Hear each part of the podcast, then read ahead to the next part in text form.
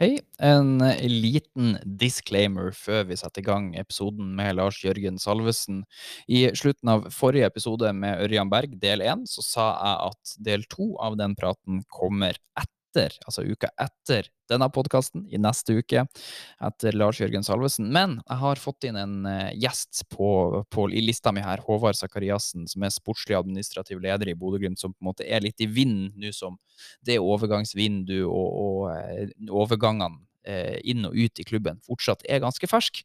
Så Derfor har jeg lyst til å dele denne episoden med dere litt tidligere enn ute i mars, som på en måte blir hvis jeg skal følge eh, publiseringsplanen. Så derfor så kommer den episoden i neste uke, og så kommer del to av intervjuet med Ørjan Berg om ennå ei uke. Så eh, hvis du kun er her for Ørjan Berg-intervjua, så må du smøre deg litt med tålmodighet, men jeg kan love deg også at praten med Håvard Sakariassen kommer til å bli utrolig interessant. Da kjører vi podkast. Og Lars Jørgen Salvesen. 433 en podkast fra Bodø-Glimt. Det er jo ikke ferdig!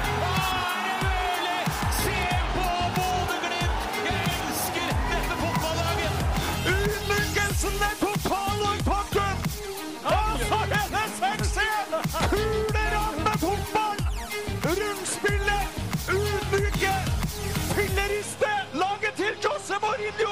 Og han kommer ikke til å dra fort nok fra Bodø! Hjertelig velkommen skal du være til 433 Bodø-Glimts helt egne podkast, som alltid i samarbeid med K. Hansen Optikk. I dag har jeg en uh, utrolig flott episode uh, klar til deg. Syns jeg i alle fall sjøl Jeg akkurat nå sittet og prata en uh, snau time med Bodø-Glimts eh, spiss Lars Jørgen Salvesen, som jo har vært litt aktuell de siste ukene, og ja, kan fortelle oss litt om, om hvorfor han har tatt de valgene han har gjort, osv., osv. Før jeg slipper han helt til her, så er det jo sånn at at uh, Jeg vil bare minne om at denne podkasten For jeg har gjort en liten sånn oppbulking skal jeg si, av innspillinger. Så jeg spiller inn litt sånn på uh, rappen i starten av sesongen. her Så denne podkasten er altså spilt inn uh, før Bodø-Glimt spiller både treningskamp mot Junkeren og, og Viking Sjøl om de kampene er spilt når dette eh, slippes ut i den store verden. Så bare ha det i eh, bakhodet. Vi er fortsatt i Bodø når dette spilles inn, sjøl om eh, laget nå har reist til eh, Spania.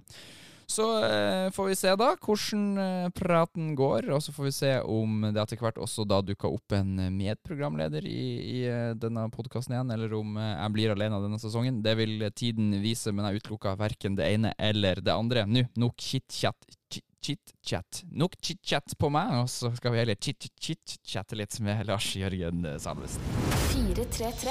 Han er en sindig sørlending, eller Big Blonde Striker with a ponytail, som han også kalles. Han har nå bestemt seg for å bli i Bodø-Glimt og ta opp kampen om spilletid her.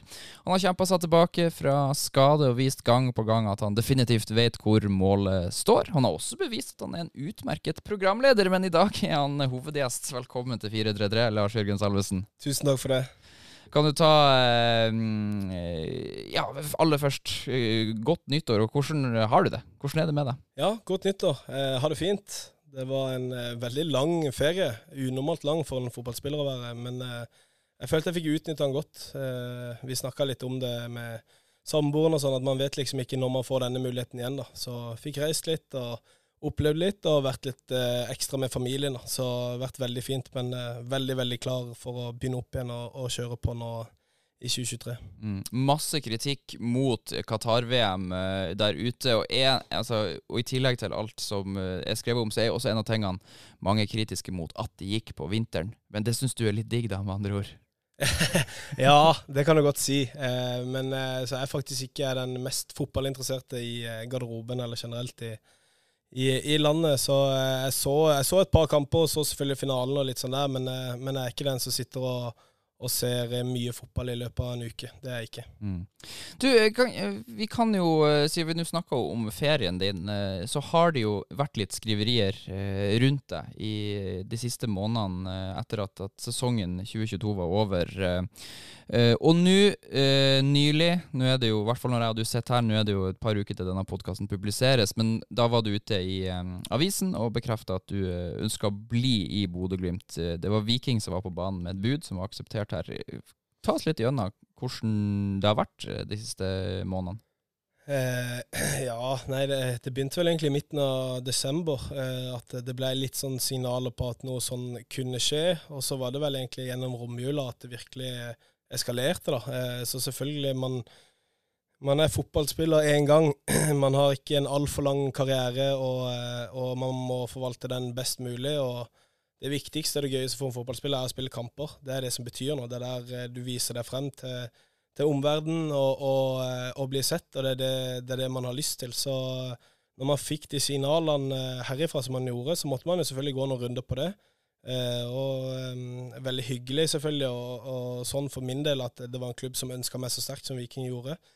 Eh, men etter, eh, etter, å ha sett litt frem og tilbake på totalen og alt, så, så sitter man med en følelse at høsten absolutt ikke ble som man, man ønska og at man har mye mer å bevise, og, og ønsker rett og slett å, å stå i det for for å, rett og slett vise, vise hva man har inne. da. Mm. Så du, det er på en måte en litt sånn uh, fandenivoldskhet i deg nå som har lyst til å ja, motbevise og vise at uh, du absolutt har noe her å gjøre? Ja, det kan du si. Uh, ikke bare ta den enkleste veien og, og hoppe videre, men, men, tørre å stå litt i det og, og, og jobbe seg gjennom den motgangen. Så uh, som jeg sier, da, jeg føler jo jeg har eh, masse her å, å komme med, og det fikk jeg ikke ut. Og det, det er jeg veldig interessert i å vise. Eh, Endra treningsprogrammet mitt ganske drastisk nå i ferien, og var veldig motivert eh, for å møte opp igjen og, og, med nye litt sånn blanke ark, som det er hver eh, oppkjøring. Eh, men ja, man må selvfølgelig gå noen runder når disse, disse signalene som kommer, men, men som jeg sa, etter, etter å ha gått noen runder med de nærmeste og de jeg stoler mest på, og litt eh, egne tanker òg, så, så, var egentlig magefølelsen på at, eh, at eh, det kommer til å løsne her etter hvert. Mm. Ja, og, og, det er jo noe man kanskje ikke snakker så mye om. En fotballspillers liv det er jo, som du var inne på i starten, litt sånn uforutsigbart, og, plutselig så skal du hit og dit. Men du flytta jo til Bodø for bare noen få måneder siden. Og uh, du har jo samboer. Altså, var hun kommet på plass i Bodø før du allerede du ja, var ferdig med å snu, altså. eller hvordan er dette? Nei, altså hun, hun, sa jo opp sin jobb i, i, Drammen og hadde tre måneder oppsigelse der. Og flytta jo opp i begynnelsen av november, og så var jo vi ferdige da i midten av november. så hun hadde fått seg jobb og alt der oppe, og hadde første arbeidsdag 4. januar. Ja. så vi hadde Vi, vi kødda litt med det i løpet av ferien, faktisk, at hun måtte levere oppsigelsen på første arbeidsdag. Men hun trengte jo ikke det. Men eh, samtidig så er det jo ikke disse tingene som, som spilte inn på valget, da. Hun var jo veldig klar på at altså, hun er jo i Bodø fordi jeg Bodø. Så om hun hadde, for hun om hun bor i Bodø eller Stavanger, det liksom ikke det skal ikke jeg tenke på, da. Så alt det praktiske og logistikken og sånn, det var ikke med i vurderinga her. Men det går jo litt på det at man, man kom inn Eh, man spilte kamp to eller tre dager etter man var spilleberettiga. Eh, og det gikk slag i slag, to kamper i uka. Eh, det var vel tre fulle treningsuker eh, før, eh, før, vi hadde ferie. Det var, det var, aldri noe tid til å på en måte hente seg inn, reflektere og ta inn over seg alt det man lærte da, i løpet av høsten. Så hadde en sånn situasjon som, som jeg har vært gjennom nå, da, skjedd kanskje til sommeren eller neste vinter, så ville kanskje valget vært annerledes. Men det med at man sitter med en, med en følelse at man man har ikke gitt en ordentlig sjanse. da. Man har ikke vært med på en oppkjøring. Man har ikke fått integrert seg ordentlig i spillestilen. Man har, ikke, eh, man har så mye mer å lære da, av både medspillere og trenere som er her. Så, så, er jo det, som jeg sier, da, totalen som har gjort at jeg valgte det. Valgte. Mm. Ja, tenker du også på en måte at eh, Bodø-Glimt altså har jo eh, utvikla seg enormt, og man har, som du er inne på, veldig flinke folk her, både medspillere og trenere. Sånn, at det på en måte eh, Du kan ikke la sjansen gå fra deg på en måte på å suge til deg lærdom på et eller annet vis. Ja, eh, det, det, kan du godt si. Og så er det litt sånn hva, hva er minuset med å være her? Det er en eh, fantastisk eh, treningshverdag. Så, litt sånn teit sagt, da, men worst case scenario, så hvis ikke det blir noe spilletid på meg frem til sommeren, så, så vil jeg fortsatt trene med x antall landslagsspillere. Jeg vil, jeg vil ha en, ganske bra treningshverdag. Og, og, det nivået på de gutta som ikke spiller òg, det er høyt eliteserienivå på de treningene. Eh, og det er mye høyere og bedre treningshverdag enn de aller, aller fleste klubber i Norge. Så jeg tror jo at uavhengig av hvordan min situasjon blir, så kan jeg utvikle meg og bli en bedre spiller av å være i Bodø-Glimt fremover. Men som jeg også er inne på, det viktigste for en fotballspiller er å spille kamper. Og spesielt i min alder, da, så blir det selvfølgelig eh, veldig Det blir en hard eh, Hva skal jeg si, hard ting på vektskåla, da. Fordi at det, det teller høyt. Men, eh, men eh, jeg tror jo også at jeg kan være god nok til å få spillekamper, da. Det er det Mm. som er poenget. Ja, for vi skal ikke sitte her og snakke om eh, som om du eh, nå skal sitte på benken i et, eh, i, ut kontraktsida di her. Nei, så er jeg jo veldig offensiv. Jeg mener jo at jeg har masse å bevise, og, og ønsker å vise det. Og, og skal være ja, banke til på trening hver eneste dag og, og vise meg verdig den spilletida jeg får. Mm. Men da leser jeg det sånn at du føler ikke at du har fått visst verken trenerteamet, medspillere, eh, Glimt-supportere eller Fotball-Norge den beste utgaven av deg sjøl det halvåret du har vært her. Det kan du, det kan du godt si. Og jeg, litt som jeg har sagt til klubben nå, at det er no hard feelings for det som har vært. Fordi jeg tror nesten jeg hadde tenkt likt som klubben hvis jeg hadde vært i de sin situasjon. Eh, og at jeg sier at jeg syns jeg er bedre enn det jeg har fått vist, det kan jo ikke de ta hensyn til. Eh, så nå er det bare opp til meg selv å bevise det, rett og slett. Mm. Og så vet vi jo at du eh, Jeg var inne på det i introen. eh, Du har hatt en skade som du relativt nylig har på en måte For du var ute hele 2021-sesongen. Uh, kom deg tilbake igjen i fjor. Starta bra i, godset. Men har den skaden også på en måte vært litt med på å gjøre at du ikke har fått visst helt hvem du er? Det, det tror jeg veldig sterkt. da. Eh, altså Februar i 2022 så hadde jeg fortsatt ikke spilt en kamp etter jeg var tilbake fra skade.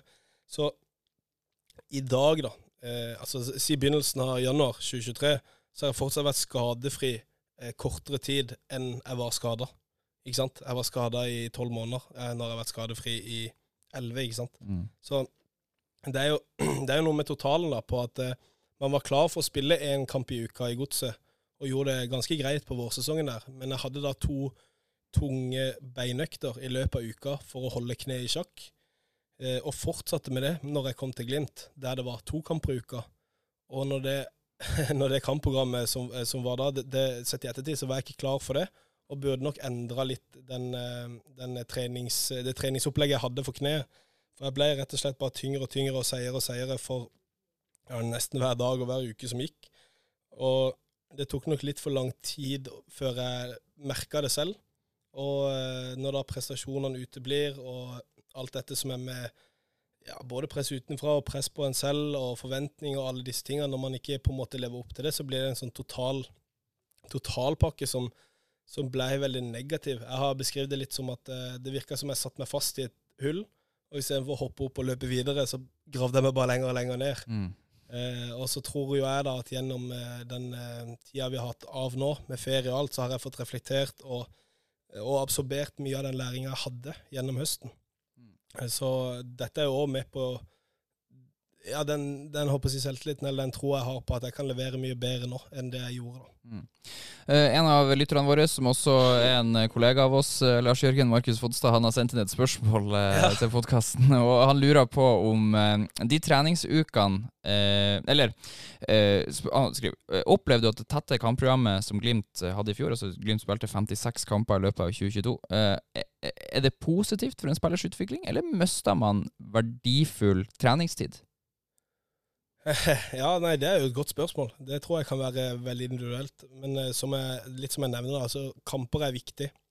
Det er det som betyr noe. Altså, Det man presterer og leverer i kamp, det er det som på en måte viser og er litt sånn der eh, streken under hvor god fotballspiller man er. da. Så jeg, jeg tror jo at den posisjonen Glimt nå har kommet i, der man har opp mot 50 pluss kamper nesten hver sesong, er meget positivt og attraktivt. Du ser jo både troppen vi har nå, hvor mange gode spillere som er her.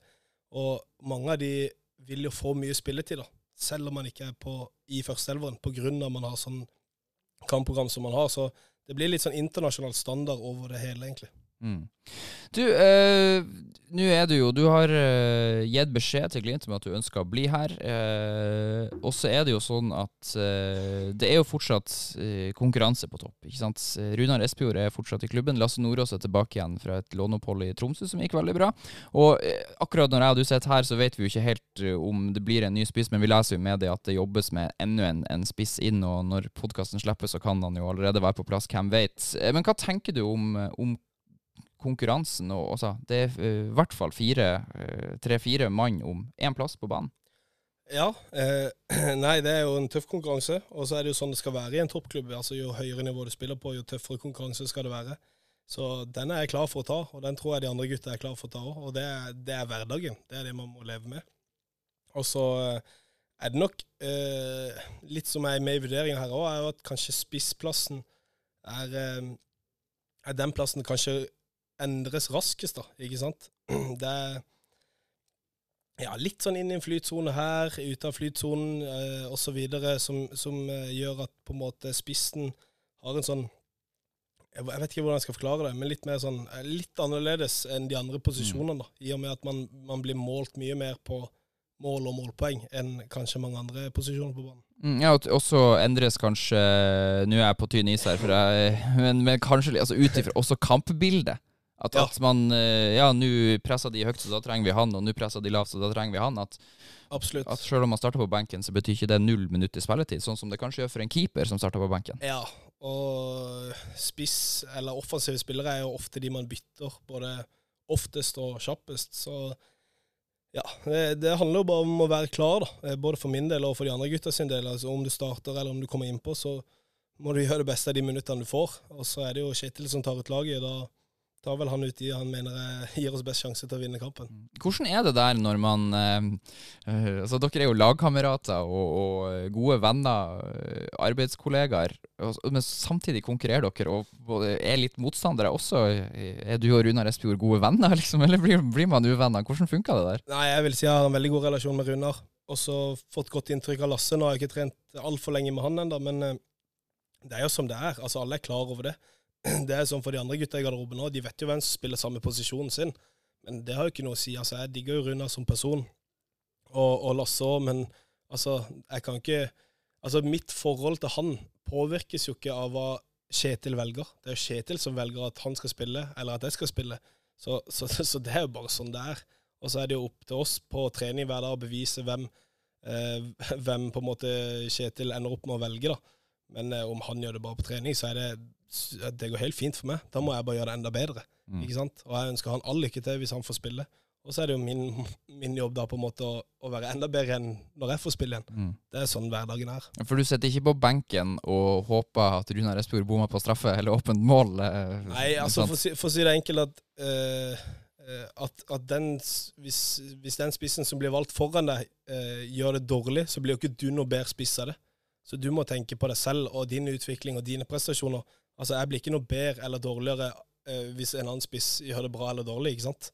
Ja, det kan kanskje ha litt å si om man får spille litt mer eller ikke, men, men man må ha fokus på seg selv. Mm. In, eh, veldig in, inspirerende å høre, eh, Lars Jørgen. Jeg lurer på også, etter at du eh, ga beskjed om at du ønska å bli i Glimt, så eh, har, du, har du fått noen reaksjoner fra Glimt-fansen? på Har du fått med deg hva de, hva de tenker? Altså, jeg leser ikke sånn altfor mye, men eh, jeg har en mor som er veldig interessert i å få med seg alle kommentarfelt og sånn. Så jeg har skjønt at jeg har fått eh, ganske god støtte av Glimt-fansen i etterkant av valget, og det setter jeg utrolig pris på. Og eh, jeg er litt eh, overraska over hvor god støtte det har vært også, det må jeg ærlig innrømme, fordi eh, ja, det, det, det, ja, det varmer virkelig. og gjør meg litt mer trygg kanskje på valget jeg nå har tatt. da. Mm. Jeg, har fått, jeg har ikke alle kommentarene eh, rett framfor meg her nå, men det har vært i ja, for, uh, Vi er glad i deg, og din jævla legende. Og, så så det, er- det er hyggelig, det. Og gir det kanskje litt ekstra motivasjon inn mot uh, sesongoppkjøringa.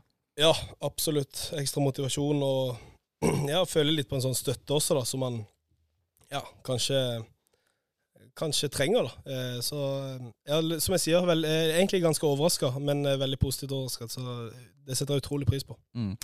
Og så var du inne på det. Eh, høsten var en ekstremt sånn hektisk periode med masse kamper, lite trening. Nå får du eh, trene, for nå er det sesongoppkjøring. Ja, den er litt kortere enn den vanligvis bruker å være i norsk fotball, for det kommer en eh, tellende kamp allerede eh, 16.2 mot Lech Poznan. Eh, og så skal det selvfølgelig spilles treningskamper før det. Men nå går dere inn i denne ukessyklusen der det er kamp hver torsdag. Starta med Junkeren nå på torsdag, som da blir to uker siden når dette slippes.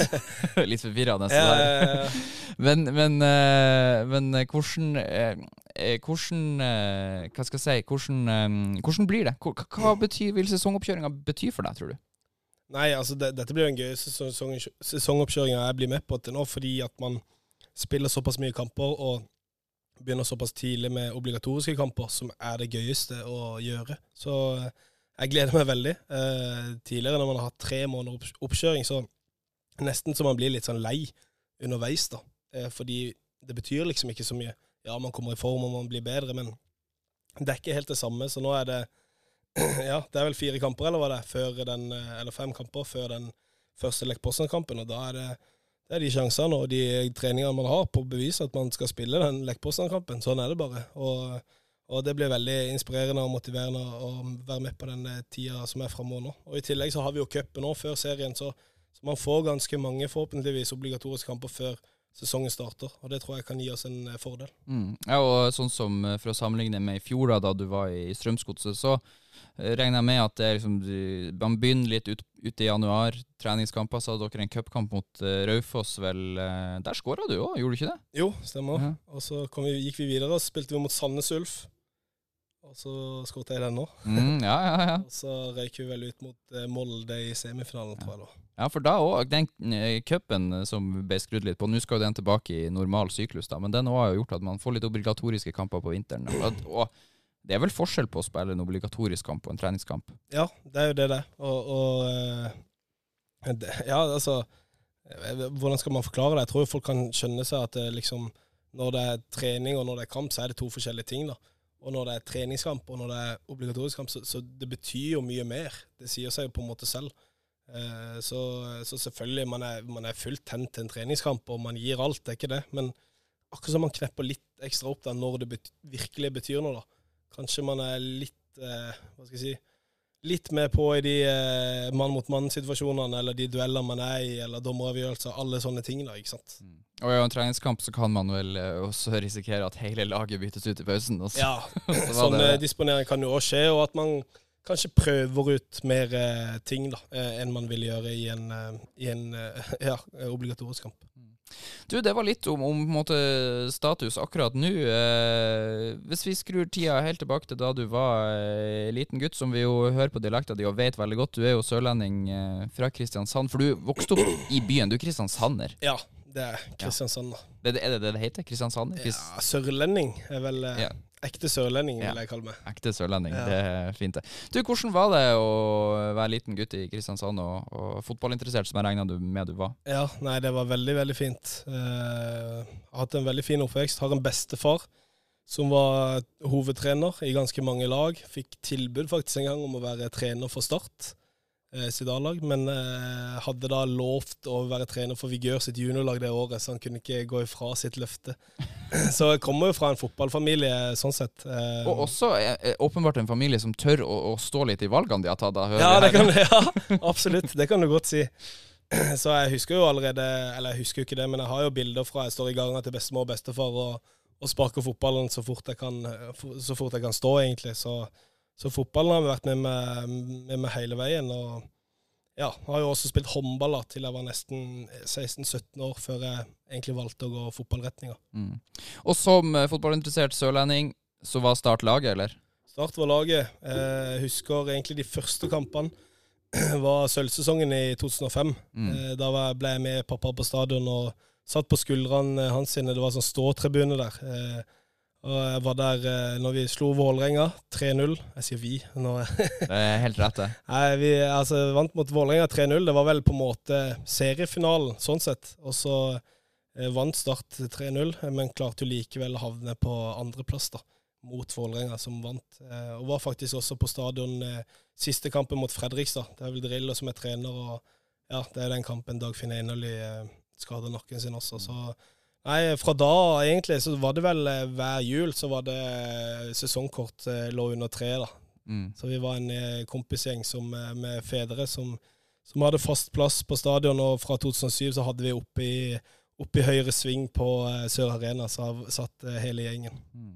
Eh, altså jeg tror alle som har fulgt med norsk fotball, og kanskje spesielt på 2000-tallet der, husker veldig godt den kampen du er inne på her, siste serierunde i 2005. Eh, Jeg selv husker, husker at jeg var på hytta og fulgte med på Fotballekstra på TV 2, liksom. Men du var der. Hvordan var det å på en måte For det er jo en, en utrolig alvorlig eh, skade Dagfinn Endelig får der. Han sitter jo fortsatt i rullestol etter den skaden. Hvordan var det å eh, bevitne det fra tribunen? Nei, altså, eh, jeg var så liten at jeg tror ikke jeg skjønte helt liksom, det, det som eh, skjedde, på en måte, eller det man var med på, sånn sett. Så eh, det ble veldig sånn stille på stadion. Det ble veldig sånn merkelig stemning, for det ja, Man skjønte jo at noe var alvorlig. ikke sant? Det lå en som var, lå helt stille.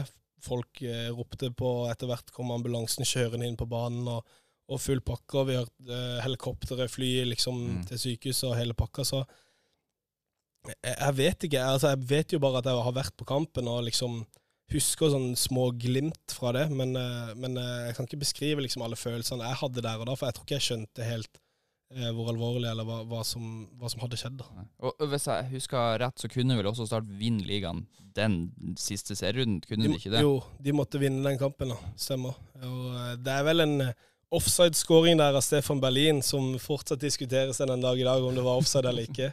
Selv om jeg tror det nesten er bevist at det var offside nå, da. Men hadde han skåret på den, så, så hadde vel Start vunnet gull. Mm. Og ganske eh, utrolig òg, for de kom vel rett fra førstedivisjonen, eh, rykka opp i 2004. Og, og det var et Jeg husker, eh, jeg som ung Glimt-supporter, eh, jeg er vel ikke så veldig mange år eldre enn deg, Lars Jørgen, eh, så jeg var ung på den tida. Jeg husker at Glimt tapte en treningskamp i 2005 mot Start.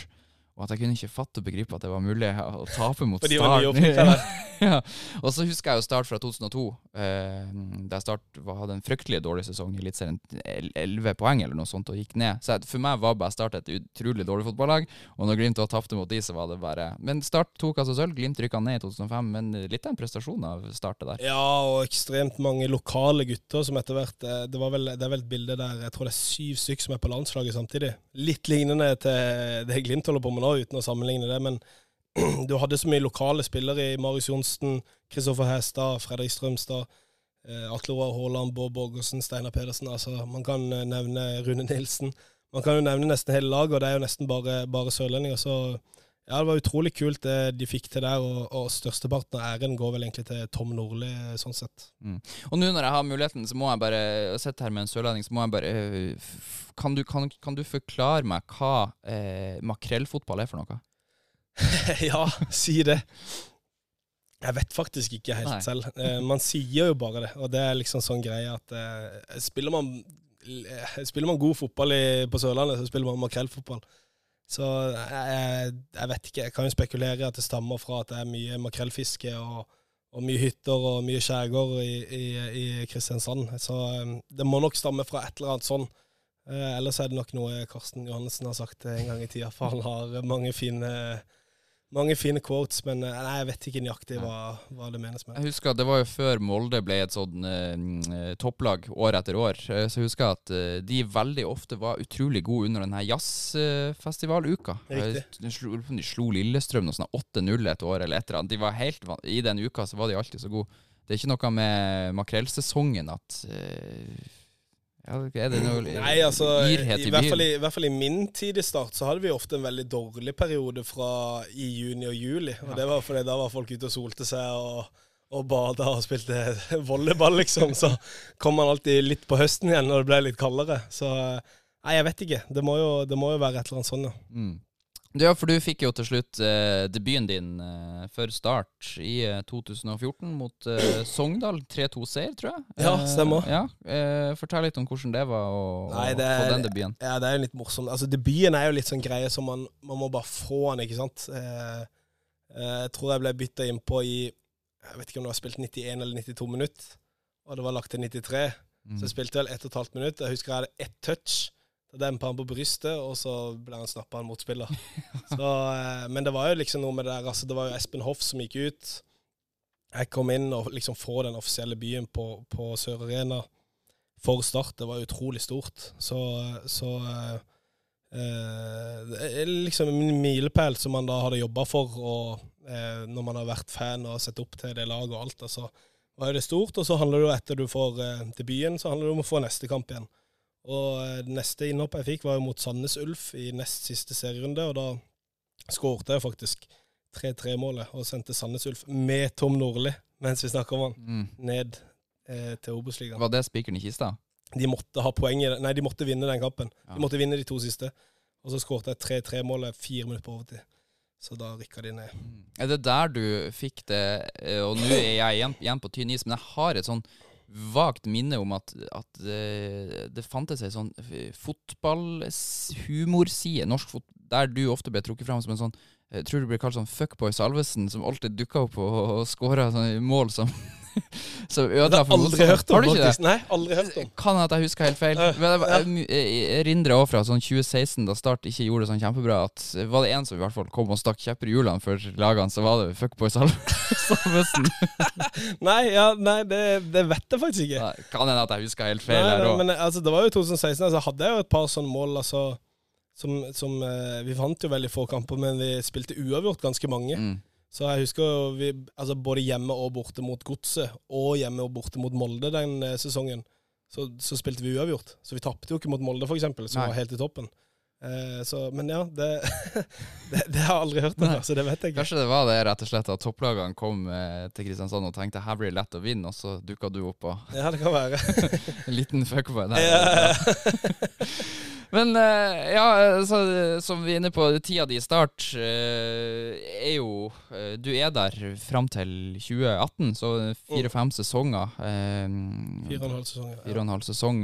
og Start er jo litt sånn De er oppe i Eliteserien. Jeg husker i 2014, det var selvfølgelig før debuten din, da så vant de jo em, eh, mot Glimt eh, i Kristiansand. Så, og, men, og det var en sånn bunnkamp, husker jeg. Det var, de lå i skorpa der. Det var aldri noen toppsesonger i Nei, men i, i 2014 er vel på en måte siste sesongen man egentlig har gjort det greit i, i Eliteserien. Jeg vet ikke hvilken plass man kom på, men eh, jeg tror ikke jeg tar feil om vi kom på syvende eller niende. eller noe sånt. Mm. Så jeg tror ikke vi var helt nede der da, men det var jo egentlig etter den 2014 vi sleit veldig økonomisk, og det måtte kuttes i lønninger og i administrasjon og alt mulig. Så, så 2015 ble jo et slit. Det var vel da vi eh, vant mot Jerv i kvaliken. Mm. Eh, havna så, vi havna så vidt på den kvalikplassen over Mjøndalen. Jeg tror det var med ett poeng, eller om vi vant på målforskjell, eller noe med sånn 22 poeng på en sesong. Mm. Um, og vant den kvaliken, og så rykker vi da ned i 2016. Mm. Men eh, også i semifinalen i cupen, vel, i 15. Slo Glimt i kvartfinalen, hvis jeg ikke husker helt feil. eh, Nei, nå tror jeg det er feil. Dette tror jeg er 2017, Det var- eller 2018. 18, selvfølgelig. 18. Ja, jeg tar feil. Jeg bomma. Jeg bomma. Eh, 15 var eh, Da var ikke Glimt kommet. Da røk Glimt mot Tromsdalen. Ja, ja, ja, ja. Så ja nei, det dette var det. 2018, ja. Ja. Og så tapte vi vel mot eh, eh, Rosenborg ja, sånn var det. Du har helt rett når du, når du sier det. Ja, så eh, eh, Det nedrykket i 16 òg, for, for Start sin del, det var jo òg en sånn Glimt gikk òg ned til slutt i eh, 16. Da var Glimt for øvrig og, også tapte semifinalen i cupen mot Rosenborg. Men, men eh, da var på en måte Start Det var ganske tidlig klart at Start sannsynligvis ikke kommer til å klare seg. Ja, vi har vel eh, rekorden, tror jeg, på både antall dager og antall kamper uten seier. Mm. Da begynte de å telle fra egentlig 2015-sesongen.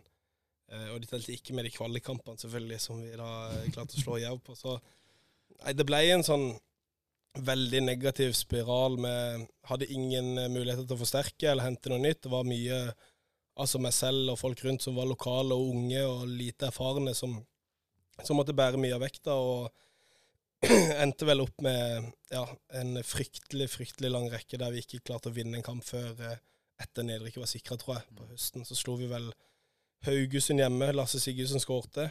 Og så slo vi Tromsø da, i neste hjemmekamp, så da plutselig vant vi to hjemmekamper på rad. Eh, men eh, nei, det var, en, eh, det var en tung sesong, og det var, det var ganske vanskelig å, å være startspiller og jobbe i Start på den Mm. eh, tida der. Det er jo noen av guttene som eh, var her i, i 2020 som har snakka om den der deilige følelsen av å være i flytsonen, når du på en måte alt bare går veien hele tida. Her er jo du eh, i 2016 en, en del av det helt motsatte. Hvordan og, og, er og, litt, og litt som jeg nevnte i stad, da, så vi, vi spilte egentlig ganske mange uavgjorte kamper. Um, men eh, det, det fokuset ble på, var at ja, nå har det gått enda lenger siden jeg ikke har vunnet. ikke sant? Hele veien. Så om man da spilte uavgjort mot Molde borte, eller ja, uavgjort mot Molde hjemme for den saks skyld, og, og, eller leder og slipper inn helt på slutten, eller eh, ligger under med ett og skårer helt på slutten, så, så det var aldri noe liksom positivitet da, fordi vi ikke vant, på en måte. Så det var veldig mange kamper som jeg bare sier uavgjort, og at vi tapte med ett mål. Så vi ga egentlig de fleste motstanderne liksom kamp til døra, da. Mm. Men vi klarte liksom aldri å bikke det til vår eh, favør. Og ja, det, det, det er jo tungt. Det sprer seg jo liksom i, i garderobe og, og rundt om i klubben. Og, altså det, det er jo ikke det er jo ikke like gøy og lett å gå på jobb og, og trene og, og kjøre på når det, når det bytter så voldsomt imot som det gjorde i den perioden der. da. Ja, Er det litt sånn nå Altså, man leder med ett mål helt på slutten, og så får motstanderen eh, frispark i farlig posisjon, eller en corner. At man, at man på en måte tenker litt sånn ja, Ikke igjen. Og så- Ja. at, at man på en måte gir litt opp på forhånd. Ja, det er litt sånn man kan si det. Eller at man kanskje leder 2-0 til pause, og sitter i pausen bare at nei, dette går ikke, liksom. Altså, vi, dette, Ja. dette blir vanskelig. Ja, vi burde hatt fire. Liksom. Ja, litt sånn, ja, litt sånn håpløs tankegang, da. Ja. Så sier jeg ikke at det var sånn, men eh, det kan jo lett, eh, det kan jo lett beskrives på den måten der, da. At liksom Ja. Når, når man først fikk den seieren, da, husker jeg, mot Haugesund, så er det akkurat som at man feirer som man har vunnet cupgull, ikke sant. Og du har allerede rykka ned, da. Men det er det du har jobba for så lenge, da. Mm. Fordi det er det du har fått høre på butikken, av folk rundt, av folk i klubben, media, alt, da. Så eh, Nei, jeg, jeg fikk jo mye erfaring da, eh, og fikk jo på en måte mye mer spilletid da enn jeg kanskje ville gjort da hvis klubben hadde hatt mer midler og sånn. da. For, så for min del, sett tilbake på, så, så fikk jo jeg mange minutter og, og på en måte erfaring som jeg kanskje hadde vært foruten hvis ikke. Mm.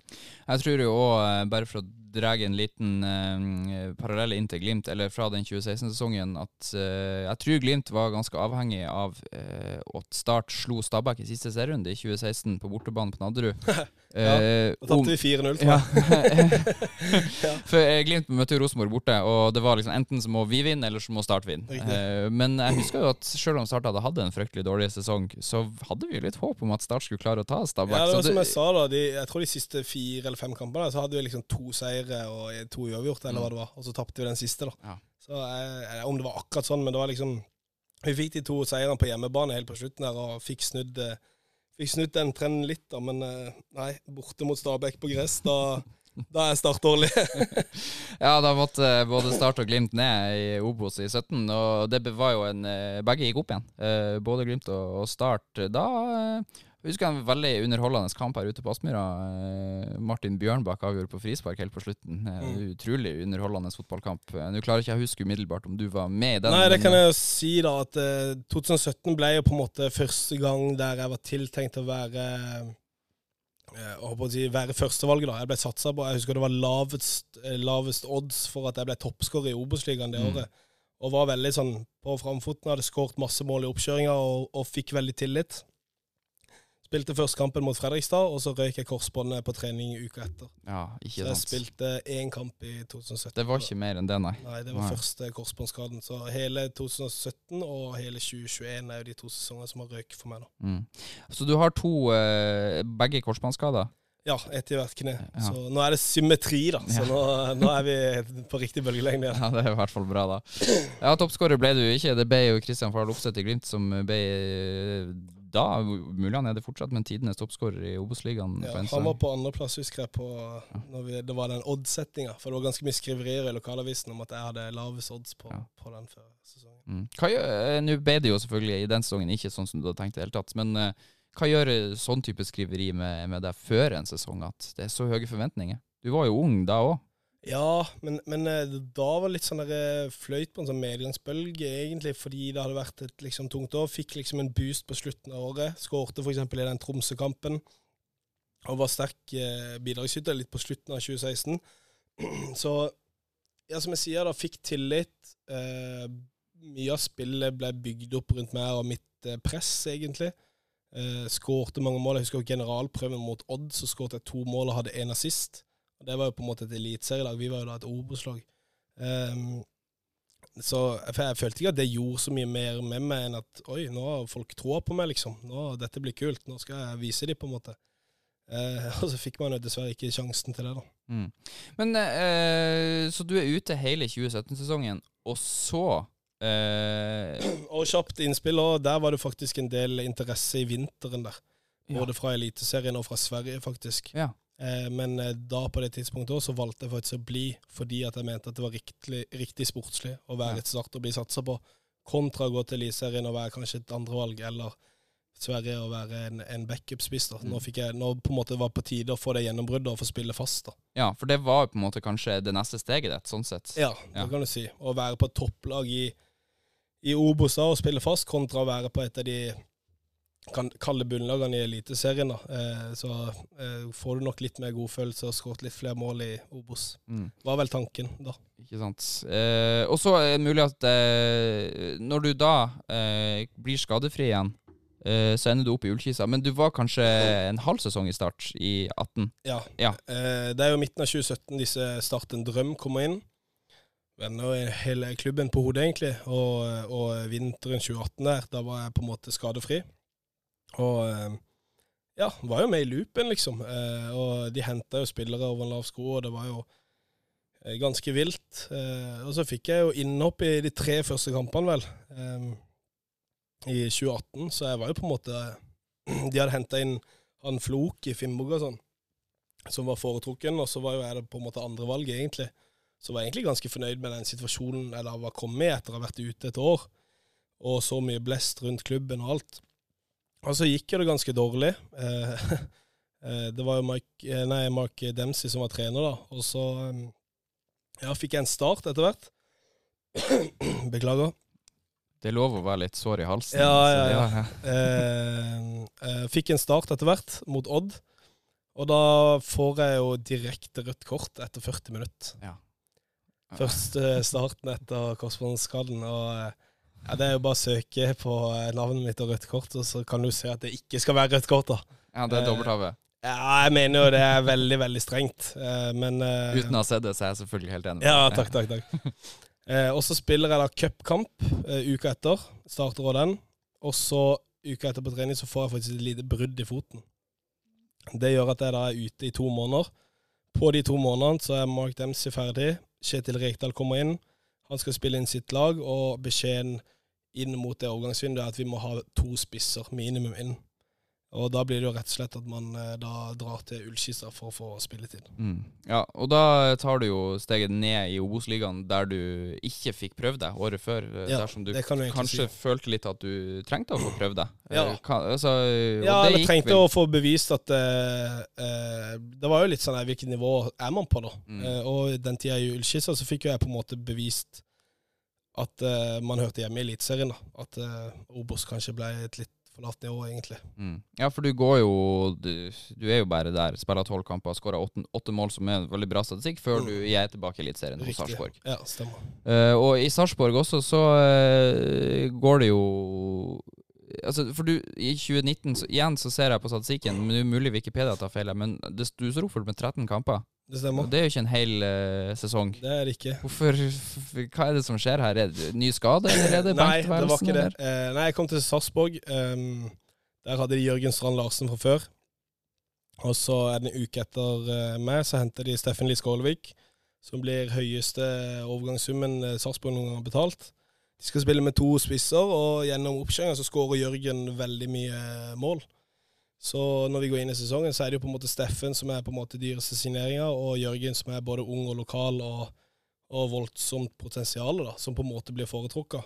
Og så um, jeg er på en måte i loopen der jeg òg, men jeg blir da eh, den som sitter på benken og kommer først inn.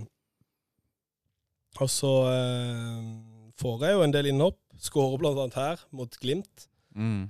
I Da- eh, andre serierunde, vel. Ja. tredje, Ja, det er tredje, Ja. tror jeg. Tre, nei, unnskyld, det er det ikke. Det er fjerde serierunde. Andre påskedag, Ja. tror jeg det. Da blir det vel 1-1, kanskje. 1-1. Ja. Eh, og så ja, for, eh, så går det litt trått, faktisk. Eh, De hadde jo en voldsom eh, opptur med Europaligaen eh, eh, høsten før. Eh, voldsom eh, sånn entusiasme og mange som hadde troa på, på Sarpsborg den sesongen. Og så eh, Ja, jeg husker første seriekamp eh, mot eh, Molde hjemme. Så leder vi 1-0, og Molde skårer vel Jeg tror Magnus Vold Veikrem skårer faktisk på heading av alle ting. På overtid Mm. og det blir 1-1. Og stemninga i garderoben etterpå er liksom at OK, disse er tippa som gullvinnere. Vi skal faen meg, vi faen vinne det gullet, liksom. Det var der, det var der vi var. Så gikk det jo Gikk det trått, fikk ikke seire og så videre. Og jeg fikk da starte litt, og det var veldig mye rullering egentlig fra kamp til kamp, spesielt på oss tre spissene. Ehm, og så uh, ja, ble det jo litt samme da, inn mot det overgangsvinduet, litt som det var i start. at uh, Det var liksom snakk om at uh, nei, vi skal ha minimum to spisser. Det var jo da blant annet han Kyle Lefferty kom til Sarpsborg. Og han Moss kom jo også. Og det som ble greia, rett og slett, var at Altså, jeg var jo i loopen der, men i teorien så var jeg type tredjevalg. Eller andre Altså den som ikke spilte av oss tre, og de skulle hente inn to spisser til. Eh, og da eh, så ble det sånn at når eh, Sarpsborg viste interesse for han Moss, som var i Godset, så var Godset veldig interessert i å hente meg. Og Mm. da ble det rett og slett bare en byttehandel der. Så jeg var jo bare et halvt år i, i Sarpsborg også. Mm. Og før vi går inn i tida di i uh, godset, uh, så må jeg bare si det må være utrolig forvirrende å ha både Lars Jørgen Salvesen og uh, Jørgen Strand Larsen i samme klubb. altså, det, det, Ja, det var mer forvirrende enn for andre enn oss, kanskje, men det kan jeg tenke meg. Før jeg ble ordentlig kjent med deg, så visste jeg ikke forskjellen på dere, i hvert fall. Nei, ikke sant. Eh, jo da, jeg gjorde det, men eh, det er veldig like navn. eh, Så ender du, som, som du sier, opp i godset. En byttehandel med Og da er det Mustafa Abdelaue som Riktig, går eh, ja. til Sarpsborg. eh, Og godset blir på en måte, eh, kan man kalle det, det første ordentlige gjennombrudd til Eliteserien. Og, og, Ja, det kan man vel. Eh, oi, det var første gang man uh, typ spilte ordentlig fast. De gjorde det i periodevis i start òg, men det ble jo litt sånn eh, bråkete med, de, med den skaden som kom og sånn, så ja, det var jo en voldsom start. da. Første hjemmekampen starta mot nettopp Sarpsborg, ja. og kjente jo bedre motspillere enn medspillere. Og Vi endte opp med å vinne 2-1, og, og hele den høsten der med Godset var egentlig en veldig opptur. Skåret Skårte en del mål og ja, var, var vel første lag, altså Godset var vel første laget som hadde ti poeng halvveis i sesongen og endte opp med å holde plassen. Det hadde aldri skjedd før. Mm. Så eh, den, eh, den høsten her så spilte vi vel som et topp eh, topp fem-lag, rett og slett. Mm. Ja, og, og eh, du står igjen, eh, hvis Wikipedia har tallene sine rett, så 58 kamper, 22 mål i, i løpet av eh, karrieren din i Strømsgodset. Eh, og en, en bra statistikk, da. Så eh, der fikk du jo tegn til å, å, å flyte litt mer. Og, og så hører det jo selvfølgelig med til historien at du er et helt år ute med skade her. Ja. ja, så den høsten var vel grei. Da, da var det vel jeg tror jeg skåret syv mål den høstsesongen. Og så året etter var jo dette koronaåret, da, som eh, 2020. Da eh, hadde jeg vel ti mål og, og spilte stort sett det meste. Eh, var jo litt sånn ja, Kjempa vel sånn mot nedrykk store deler av sesongen, men klarte å holde plassen vel to serierunder før slutt, eller et eller annet. Og så eh, ja, kom jo 2021-sesongen hvor man røyk ut. da. Mm. Og eh, jeg så også at eh, da jeg søkte på navnet ditt her, så dukka det opp en video som Strømsgodset laga i, i 2020, der du, rett- du fikk rett og slett årets Strømsgodsemål i 2020. M- Det var ikke mål, heading mot start på Sør Arena, gamleklubben. Jo, stemmer det. Det var første serierunde i 2020, så eh, ja, Det var spesielt. Det var første gang jeg spilte mot Start på Sør-Arena. Og Også så- uten tilskuere. Ja, det var vel 250 eller hva som var lov, da. Så Nei, eh, det ble vel uavgjort. Det ble 2-2 i den kampen, tror jeg. Men eh, nei, jeg skåret i første gang der. og Ganske fin skåring, om jeg kan si det sånn. Mm, ja, en nydelig heading, men uh, ikke nok til å bli årets mål i Eliteserien. Det var det midtstopper fra Bodø-Glimt som uh, stakk av med. Ja, riktig. riktig. Jeg var ikke nominert til det det året heller, men det var jeg faktisk i 2019, da, med Ja. den volleyen mot uh, Sarpsborg.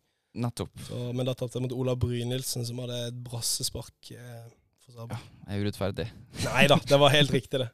Du, eh, men, altså, eh, bare si at dette er en Bodø-Glimt-podkast. Det er kanskje ikke så artig for deg å snakke om den kampen, men eh, det vil jo si at uh, du var en del av Strømsgodset-laget som uh, måtte se at Glimt tok uh, seriegull på Marienlyst. Ja.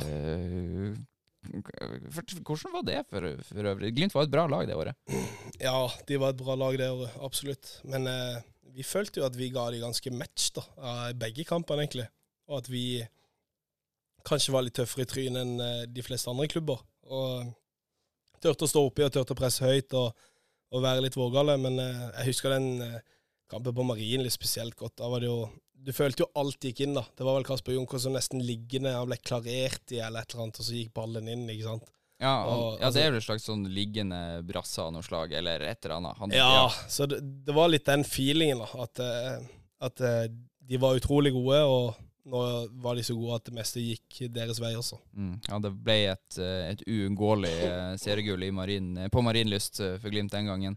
Når du Jeg sa i introen her at du har bevist at du er en, en meget dyktig programleder, Lars Jørgen. Du, eh, da du var skada, ute med skade i 2021, så fikk du ditt eget TV-program i Strømsgodset Studio Salve. Stemmer. hvordan endte du opp med, med, med den rollen? Nei, litt tilfeldig var det nok, men det var jo han mediesjefen som ønska å bruke meg da, i, i den skadeperioden. Alle visste jeg skulle være ute hele sesongen. Og så var det at vi ønsker å bruke det, og hva, hva er det noe du kan tenke deg å bidra med? Og så visste jeg jo ikke helt hva han mente med det, og så kom han jo opp med at nei, vi, vi tenkte kanskje å lage et program før, før hver hjemmekamp som vi skal sende ut. Og så var vel egentlig tanken i begynnelsen at jeg skulle være sidekick Mm. Sånn som Marius. Høybråten hadde i denne podkasten. Ja, Ja. så at eh, han mediesjefen var programleder, som han alltid hadde vært, og så skulle jeg være sidekick. Og så var jeg sidekick på kickoffet med Håvard Lilleie. Han var programleder for kickoffet til Strømsgodset, da var jeg sidekick der. Og så syns jeg tror jeg rett og slett han syns jeg klarte meg såpass bra der, og så spurte du vil ikke bare ha det alene, ditt eget show, liksom. Og så takka jeg ja til det, da. Og jeg hadde jo ikke så mye annet å drive på med det året. Og ja, eh, trente hardt og godt og jobba med dette på sida. Så følte jo jeg hjalp klubben og, og var med og rundt omkring og kjørte litt livesendinger fra supporterpuben og sto og sang med, med Godsunionen en kamp og eh, satte opp flagg på bybroa. og ja, bidro rett og slett så godt jeg kunne, da, selv om jeg var skada. Mm. Det høres jo uh, veldig gøy ut. Uh, Det må jo ha vært en, en fin måte å få tida til å gå litt i et et Ja, det er jo det. Man er jo ikke med på bortekamper, f.eks., der jeg lager vekke to, tre, fire dager, og, og man har tunge treninger, men man har mye tid i løpet av en uke. Så det var rett og slett når, når man hadde ledig tid da, til å være med og hjelpe klubben. Og vi fikk jo inn en egen sponsor for, eh, for eh, Studio Salvår, som faktisk genererte litt penger inn til klubben. Og eh, vi hadde quizer på hver, eh, på hver sending der vi delte ut ganske fine premier. Så Nei, Det ble en litt sånn kul greie. Det ble i hvert fall godt mottatt av supportermiljøet. Mm, ja, det har jeg sett reaksjonene på sosiale medier og tyder på at det var veldig godt likt. så vi får håpe du holder deg skadefri, men om det skulle skje noe, så vet du at du er velkommen. ja, nei, det er hyggelig. Det er hyggelig. Du, eh, interessen fra Glimt, sånn ryktemessig, kom vel Jeg Har vel vært litt sånn fram og tilbake, og så ble du skada og var ute en periode. Det var vel særlig da før 2021-sesongen at ryktene først kom, kanskje. Eh, Men eh, etter hvert når dette begynner å, å faktisk bli en realitet, og du innser at du skal til Bodø, hva, hva tenker du da? Ja, altså Første gang jeg hørte interesse for Glimt, var faktisk etter den 2018-sesongen. Når jeg går til Sarpsborg. Mm. Men da var altså Sarpsborg hadde vært i det europaeventyret, og Glimt var nyopprykka. Så der og da så var jo på en måte i mitt hode valget ganske enkelt. Men når jeg ser tilbake så hadde man kanskje valgt, valgt annerledes. Men eh, ja. Nei, eh, man var jo ganske forberedt på det egentlig i begynnelsen av 2021 òg, da, før, eh, før skaden, at dette kom til å skje. Men det skjedde ikke, dessverre. Og så på en måte ganske stolt over jobben man da la ned i ja, ett og et halvt år for å komme tilbake på det nivået at man fortsatt var aktuell for typ den samme overgangen, da, selv om det har gått tid og sånn, og har vært gjennom en tøff skade. Så nei, jeg jeg var ganske klar for å dra videre etter hvert fra godset, sånn som ståa var.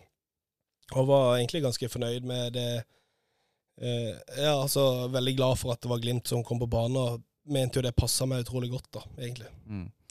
Ja, og, og øh, du blir jo presentert på spektakulært vis når, du- kommer hit. Eh, Du er Ja, det var eh, voldsomme greier. Den spilleren med den største presentasjonen vi noen gang har stelt i stand her. Fortell litt om det. Ja, nei, det var veldig voldsomt, så det var Nei, en veldig kul og gøy opplevelse. Kom ut mot eh, Linfield, der var det i pausen, og ja, var nesten stående applaus av hele stadion, så voldsom eh, varm velkomst. Mm.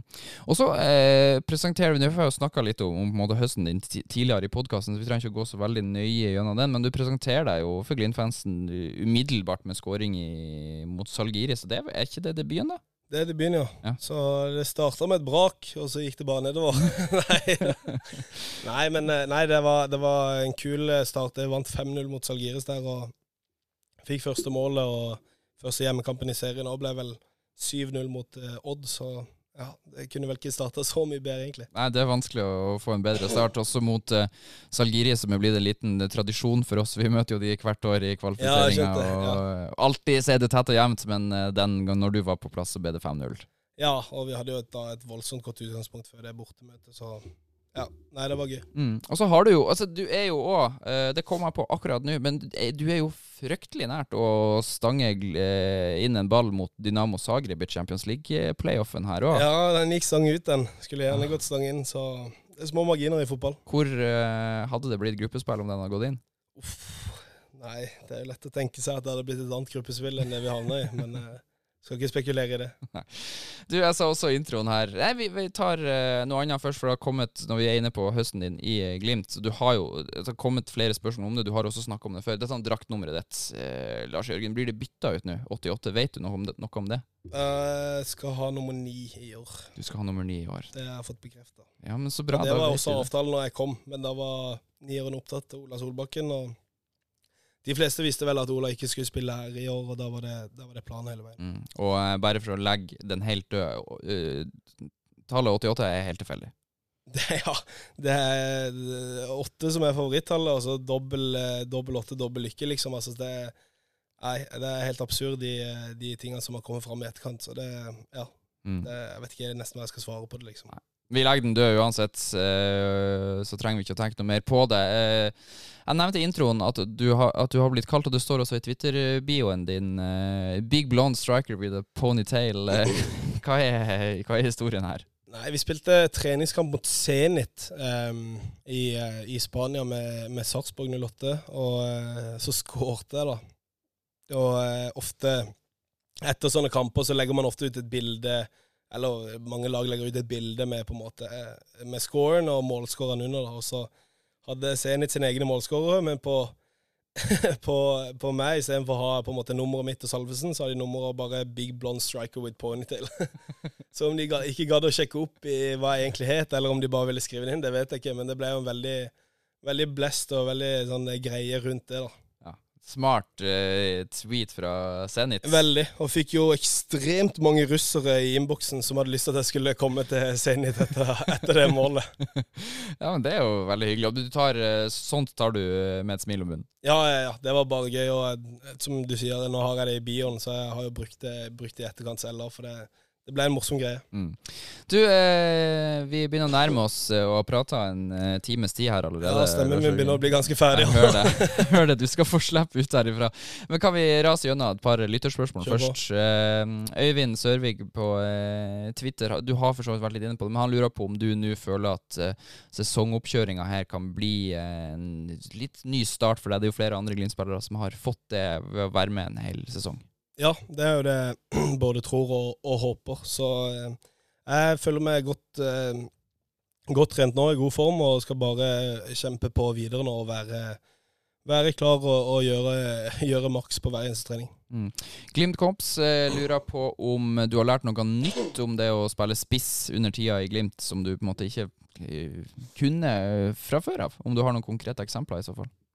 Nei, jeg har vel ikke noen konkrete eksempler på det, men uh, det er fascinerende hvor annerledes det er. uh, å spille spiss i, i Glimt kontra Godset, som er på en måte det jeg husker best akkurat nå. Da. Det eh, krever helt andre bevegelsesmønstre, både offensivt og defensivt, og hva man ønsker da, som klubb og som lag. Så, så det, det er på en måte en, en tilvenningssak uh, å, å komme inn i spesielt måten Glimt eh, ønsker å spille på. da. Jeg tror den er litt eh, særegen. Mm. Linn Jeanette Eriksen hun eh, spør deg hva som er dine personlige mål for kommende sesong. Og så skriver hun også, eh, åpenbart at hun savner deg i sin klubb, som ser ut til å være Strømsgodset, for å skrive du er hjertelig velkommen tilbake i blått. Ja, det er hyggelig. Det er hyggelig. Um, jeg har ikke lagd noen personlige mål, egentlig. Nå har det jo vært litt sånn kaos de siste tida. Så nå har man landa den beslutninga her, og er virkelig motivert for å, for å kjempe og krige for å få det til. Og så er man jo innforstått med situasjonen man er i, og, og eh, ja, ønsker rett og slett å jobbe seg ut av den. Så å sette noen sånn personlige mål blir sånn feil før man, før man ser hvor man ligger litt i, i rekkefølgen her etter hvert. Han, eh, Kjetil Knutsen hører ikke på den podkasten uansett, så du kan svare på neste spørsmål eh, trygt og godt. Er du sikker på det? Det kan være han bare sier til deg at han ikke hører på han, og så hører han på han. Bare at du skal være litt uh... Ja, at han skal lure meg utpå. At du skal snakke litt mer fritt. Det kan hende. Christian Pølsen lurer i alle fall på hvordan du skal feire toppskårertittelen og ditt første seriegull eh, neste år. Ja, Nei, det kan jeg ikke svare på. Det går jo ikke an. Men uh, selvfølgelig. Det hadde vært en drøm å vinne serien en gang. Absolutt. Kanskje lettere å svare på det her da, fra Kjetil Knutsen-fan på Twitter, som lurer på hvor sannsynlig er det at du kopierer Runar Espejords hårfrisyre på en skala fra én til ti, der én er kanskje og ti ikke er utenkelig. Og da tror jeg han tenker på den tidligere hårfrisyren med hockeysveisen og barten. Hva, hva sa du når én var kanskje, og ti var Ikke utenkelig. ikke utenkelig? Da blir det vel fem eller noe som er lengst unna begge der. Det kommer ikke til å skje, med andre ord. Nei, ikke med det første. Eh, Runar har sin sveis, og så har jeg min sveis. Jeg tror vi skal holde det sånn. Hvem eh, tror du kler sin, den andre sin sveis best? Tror du han er uh, finere med en big blond uh, ponytail, eller du er finere som hockeysveis? For å være helt ærlig så tror jeg begge er ganske jævlig med den andre, andre sin sveis. Jeg ville antatt at han hadde kledd langt hår bedre enn det jeg hadde kledd hans i sveis. Okay. For jeg hadde sett helt forferdelig ut med den. Det er avklart. Vi tar et siste spørsmål eh, fra Glimt-supporter på Twitter, som lurer på hva du anser som dine sterke eh, og svake eh, sider på fotballbanen. Ja. Eh, I utgangspunktet så er jeg jo en avslutter. Sterk i boks, eh, og ønsker jo å få på plass det sluttproduktet som jeg følte jeg ikke hadde helt i, i høst, som jeg kanskje hadde mista litt, eller mista meg selv litt. Så, så en avslutter eh, både på hodet og med begge bein, det, det er noen av mine sterke sider. Og dette presspillet jo, har jo også vært en av mine sterke sider, da, selv om det kanskje ikke var det nå. Så ønsker man jo å eh, spesielt heve de to tingene. Og det er jo litt det min tro på at det kan snu veldig fort. det er jo at Hvis man hever de to, så vil totalen være mye bedre. da. Eh, og så er det jo mange faser av spillet man ønsker å jobbe med. Eh, som f.eks. dette med å være rett, nei, feilvendt, og, og relasjonene, og legge igjen, og, og være et eh, oppspillspunkt til disse tingene der. da. Eh, og noe man har jobba med over flere år, som man føler at man har tatt gradvise steg på, men som man fortsatt eh, jobber med for at det skal bli enda bedre. Mm. Lars Jørgen Salvesen, jeg har uh, kosa meg veldig den siste timen. Jeg håper du har hatt det hyggelig. Ja, Takk, jeg har hatt det hyggelig. Stemmen har slitt og slitt, eh, men eh, det har gått fint. Det er et mareritt når det der har vært gjennom det noen ganger. Ja, ja, ja, De som hører fast på, vet at det bruker å skje. Lars Jørgen Salvesen, tusen hjertelig takk for at du stilte opp. Takk for at jeg fikk komme. Veldig hyggelig. Lars Jørgen Salvesen, for en uh, deilig mann å ha i uh, podkasten. Jeg håper du har kosa deg den siste timen i uh, lag med oss. Jeg har i alle fall kosa meg veldig og gleder meg allerede til jeg er tilbake igjen allerede neste uke. For dere som lytter til podkasten, du finner den overalt der du vanligvis lytter til podkast. Det vet du kanskje allerede i og med at du hører på. Kanskje unødvendig å gi den informasjonen på slutten av episoden. Uansett, vi høres igjen om ei uh, uke. Enn så lenge, ha det bra, og heia Glimt!